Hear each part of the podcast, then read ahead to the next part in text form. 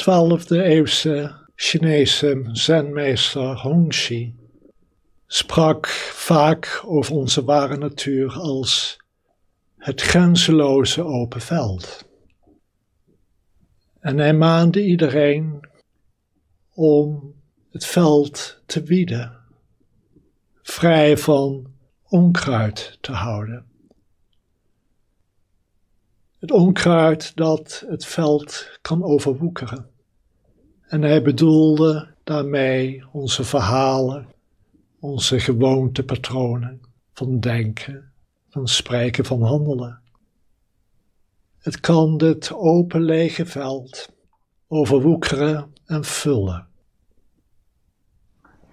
Minder dan een eeuw later sprak de Sufi-mysticus Rumi vergelijkbare woorden uit. Hij schrijft: Wie zou er schrijven op een bladzijde die al gevuld is met tekst? Wie zou er een lood planten op een plek waar er al geplant is?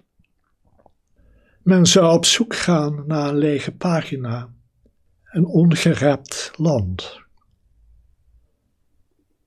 Wordt kaal als de aarde, zodat de geliefde zijn zaad kan planten.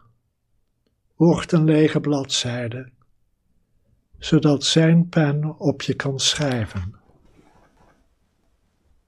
Ook Rumi maakt ons om leeg in onszelf te worden, zodat er een ontmoeting kan plaatsvinden met de geliefde. Hongxi zegt in het lege veld kun je je vestigen in de heldere cirkel van licht. Tegenwoordig zijn we allerminst bezig onszelf leeg te maken. We vullen ons leven met eindeloos veel dingen, met eindeloos veel ervaringen. We willen het juist zo vol mogelijk maken in de hoop dat ons dat blij maakt, gelukkig. En onmiskenbaar zijn er momenten waarin dat aanwezig is, die blijdschap en dat geluk, niemand zal het ontkennen.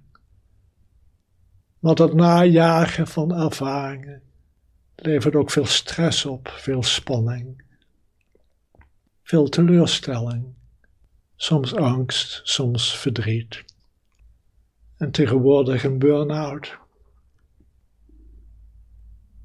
Wat we ook vergaren, we lijken niet vast te kunnen houden. En dat is ook de fundamentele boodschap van het boeddhisme. Dus daarom laten we gaan, laten we los. Durven we die stap te zetten, ons te ledigen ons over te geven aan dit lege veld. Onszelf tot een lege bladzijde te maken. Wanneer we door die angst ervoor durven te stappen, zullen we zien dat we absoluut gevuld worden met iets dat het tijdelijke en voorwaardelijke overstijgt. Hongxi noemt het de heldere cirkel van licht. Rumi noemt het de geliefde. Misschien zal jij een ander woord gebruiken, maar weet dat het in ieder geval je een grote blijdschap zal geven. Een grote vrede zal geven die niet meer afhankelijk is van de ervaringen en de hoeveelheid ervan.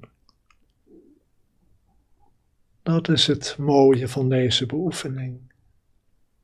Dat is de wijsheid die deze meesters ons hebben gegeven.